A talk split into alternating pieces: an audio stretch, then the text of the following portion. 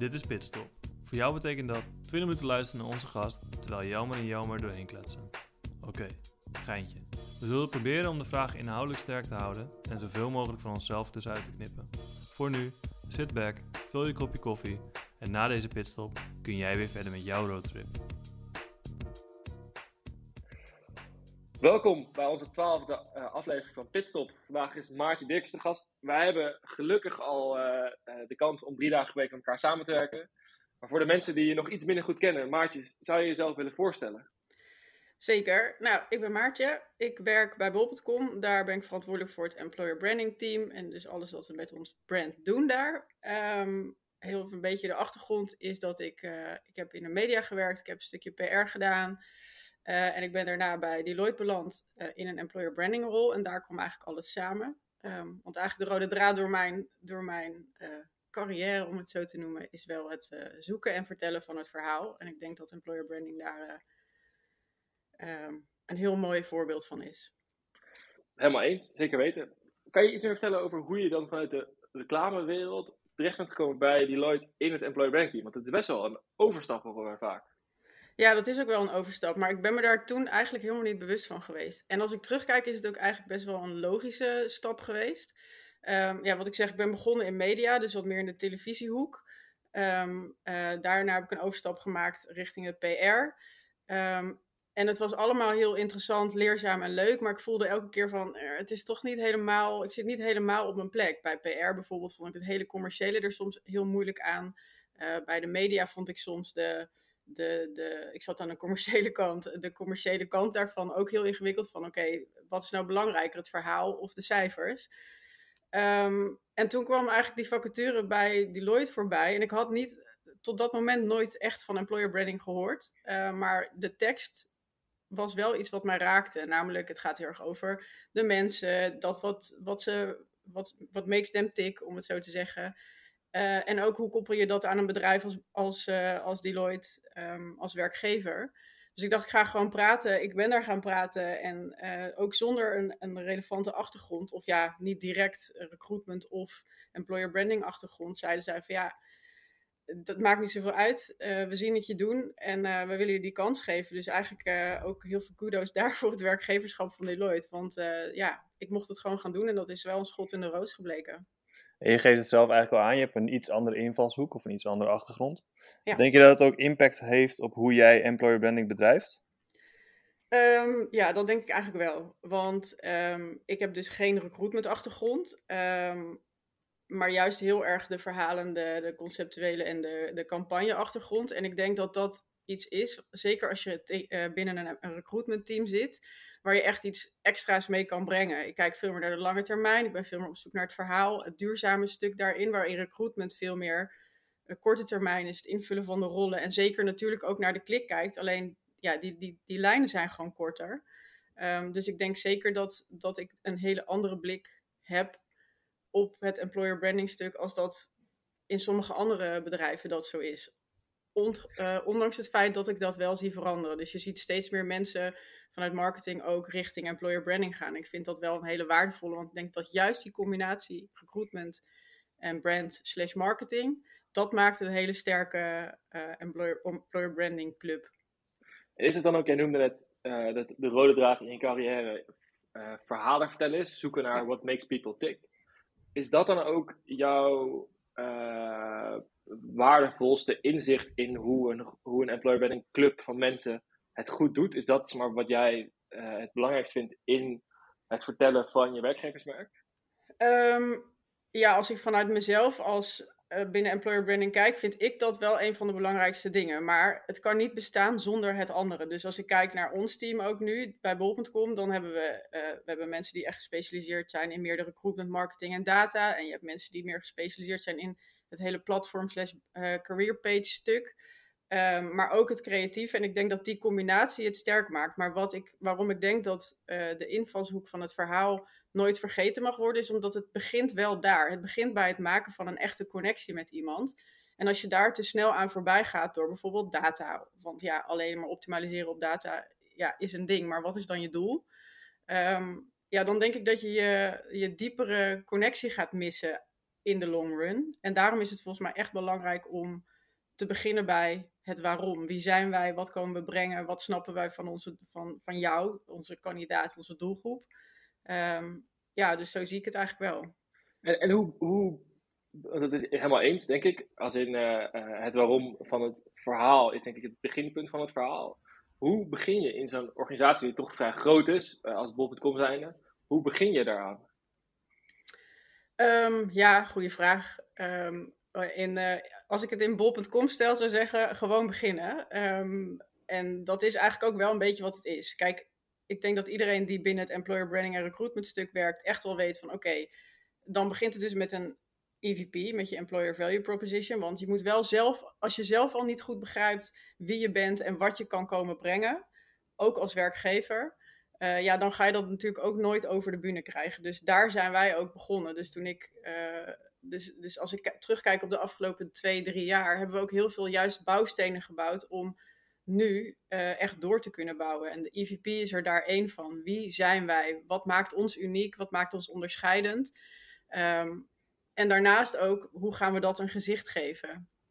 En dat vind ik wel een heel interessante. Want je hebt dan uh, natuurlijk heel veel tijd gestoken in het opduiken van de verhalen, in het omhoog krijgen van de verhalen bij uh, je interne publiek. Maar hoe zorg je dan voor dat kandidaten ook daadwerkelijk gaan zien en er ook daadwerkelijk iets mee gaan doen?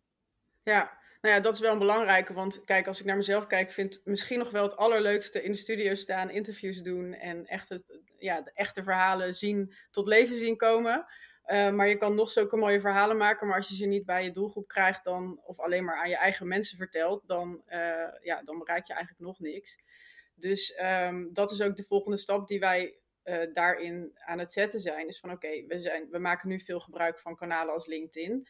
Maar die verhalen wil je juist ook breder in gaan zetten. Je wilt in een omveld van de doelgroep terechtkomen waar ze actief, maar ook niet actief op zoek zijn naar werk. Dus hoe gaaf is het als je um, nou, verhalen over inclusiviteit of over de diverse gezichten van een bedrijf op een, ja, ik noem dat dan zachte manier uit, ja, uitgeserveerd krijgt. Dit is een lelijk woord, maar um, dus in een, in een omgeving waar jij ook andere informatie tot je krijgt. Um, ik weet niet of ik dit nu helder zeg, maar ik denk, ja, dat, je ja, media, ja, ik denk dat je mediamix dus heel belangrijk is. Want logisch is om te beginnen bij de, bij de logische paden. Dus de LinkedIn's, de Facebook, de Instagrams. En ik denk ook dat dat echt, als je moet kiezen, je eerste keuze en basis moet zijn. Want daar kan je heel gericht targeten.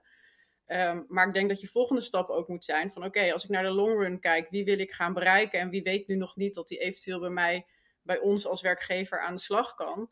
Um, ja, kunnen we iets met iets ludieks doen of kunnen we juist iets opvallends doen? Um, uh, waarin in alle gevallen wel geldt voor ons of voor mij ook, uh, het moet wel relevant zijn. Dus je moet het niet doen om het doen. Je moet goed begrijpen wat, wat uh, je doelgroep interessant vindt. En dan kijken van hoe kunnen we op een relevante manier verder dan de, ja, dus wat meer standaard paden in die mediamix zichtbaar zijn of in de, in de aandacht komen van onze verschillende doelgroepen.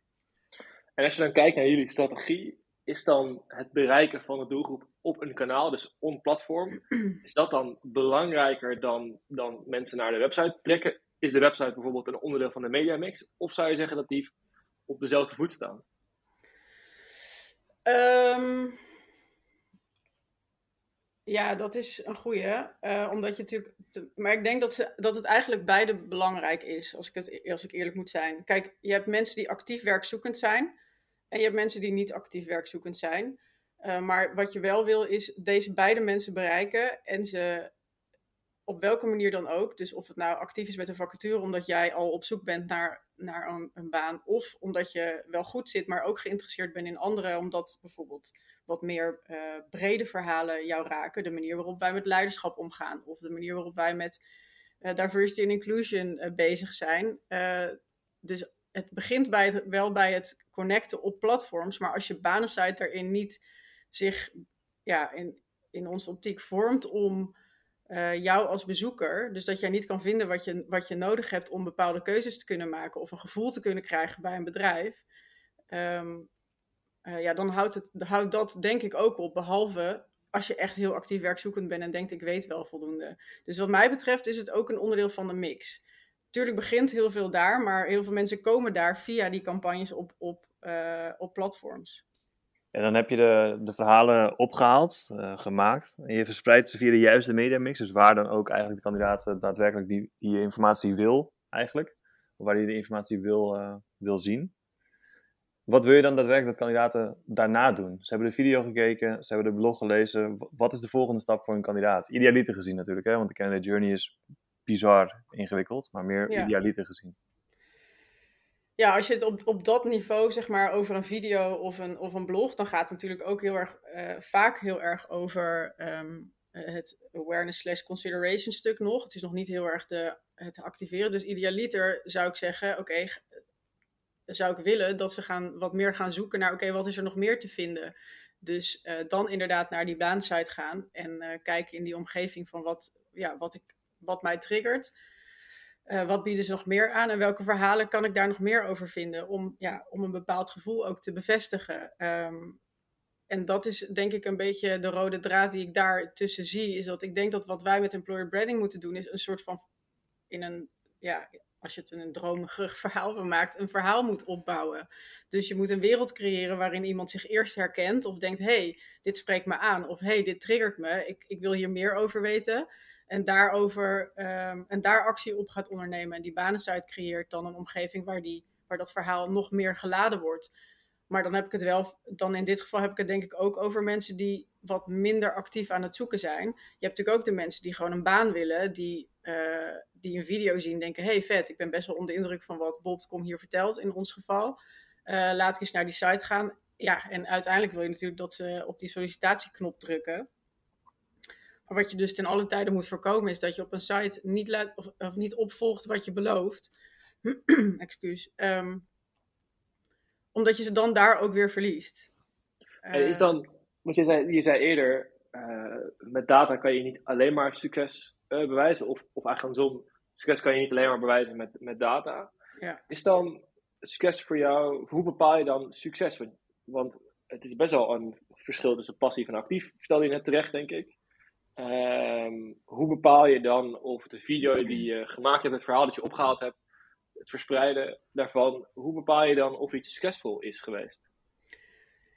Dat hangt natuurlijk ook heel erg van, het, uh, van de video af en het onderwerp wat we daar bespreken. Maar als ik het concreet maak, vind ik bijvoorbeeld, we hebben afgelopen jaar campagne gedraaid op, uh, nou ja, noem het topic Diversity and Inclusion. Maar de serie uh, heet het What if we, of Changing the Story. Dus het gaat heel erg over verhalen van mensen, zonder heel erg um, over diversiteit te praten. Juist heel erg te laten zien welke paden bewandelen mensen nou, welke uitdagingen komen ze uh, tegen in hun leven en hoe hebben ze dat altijd weten om te draaien in, in, hun kracht en in hun succes.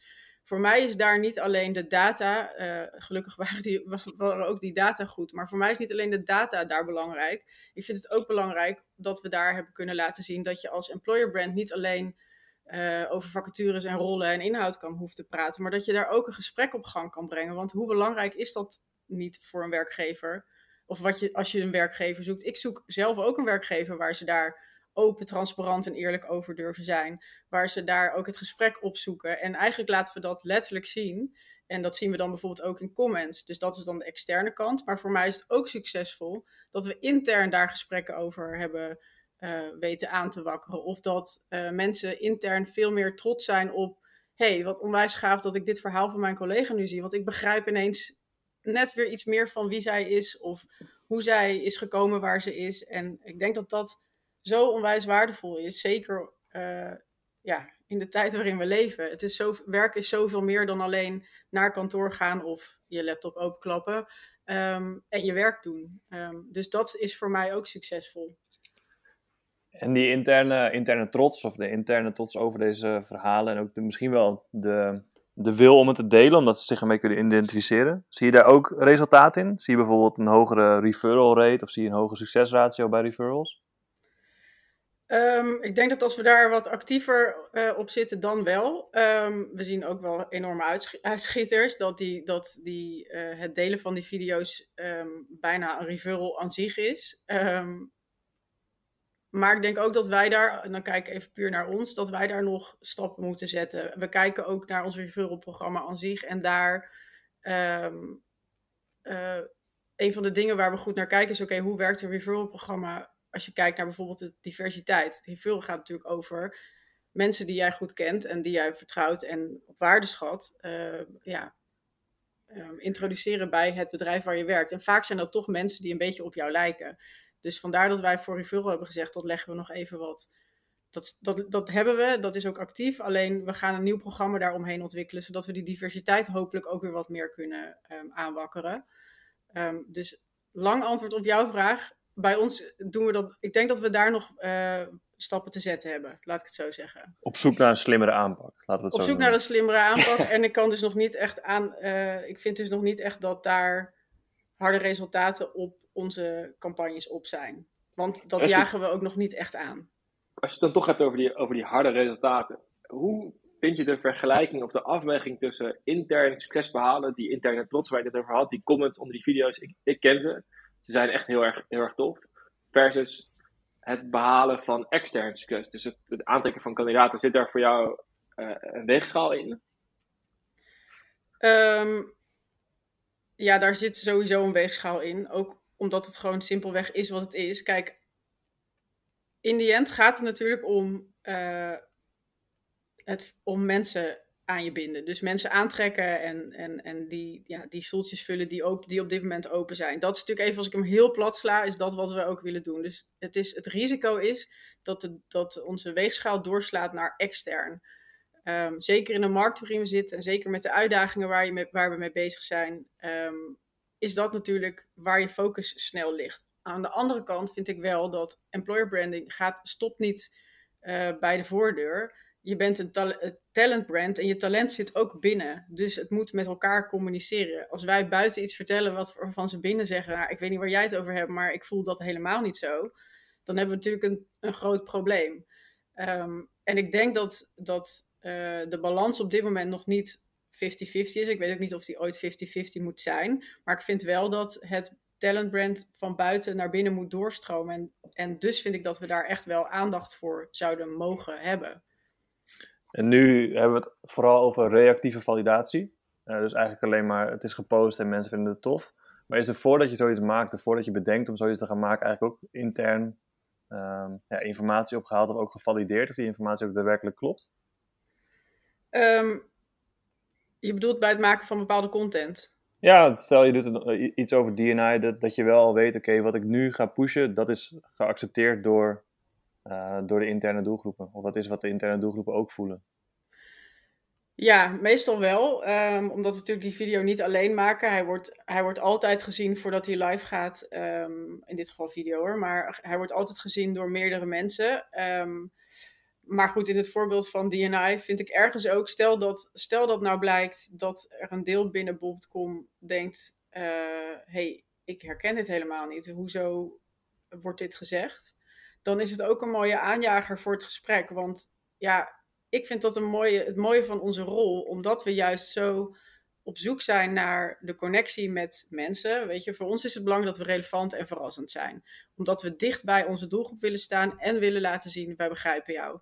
Nogmaals, de doelgroep zit niet alleen buiten, die zit ook gewoon binnen.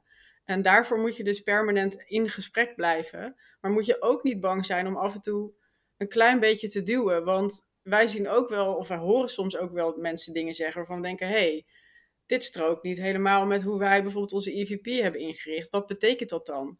En ik wil niet meteen zeggen dat je dan, uh, uh, dat je dan een rel moet gaan, gaan uh, aan, aanjagen. Maar ik denk juist dat het heel mooi is om gesprekken op te starten.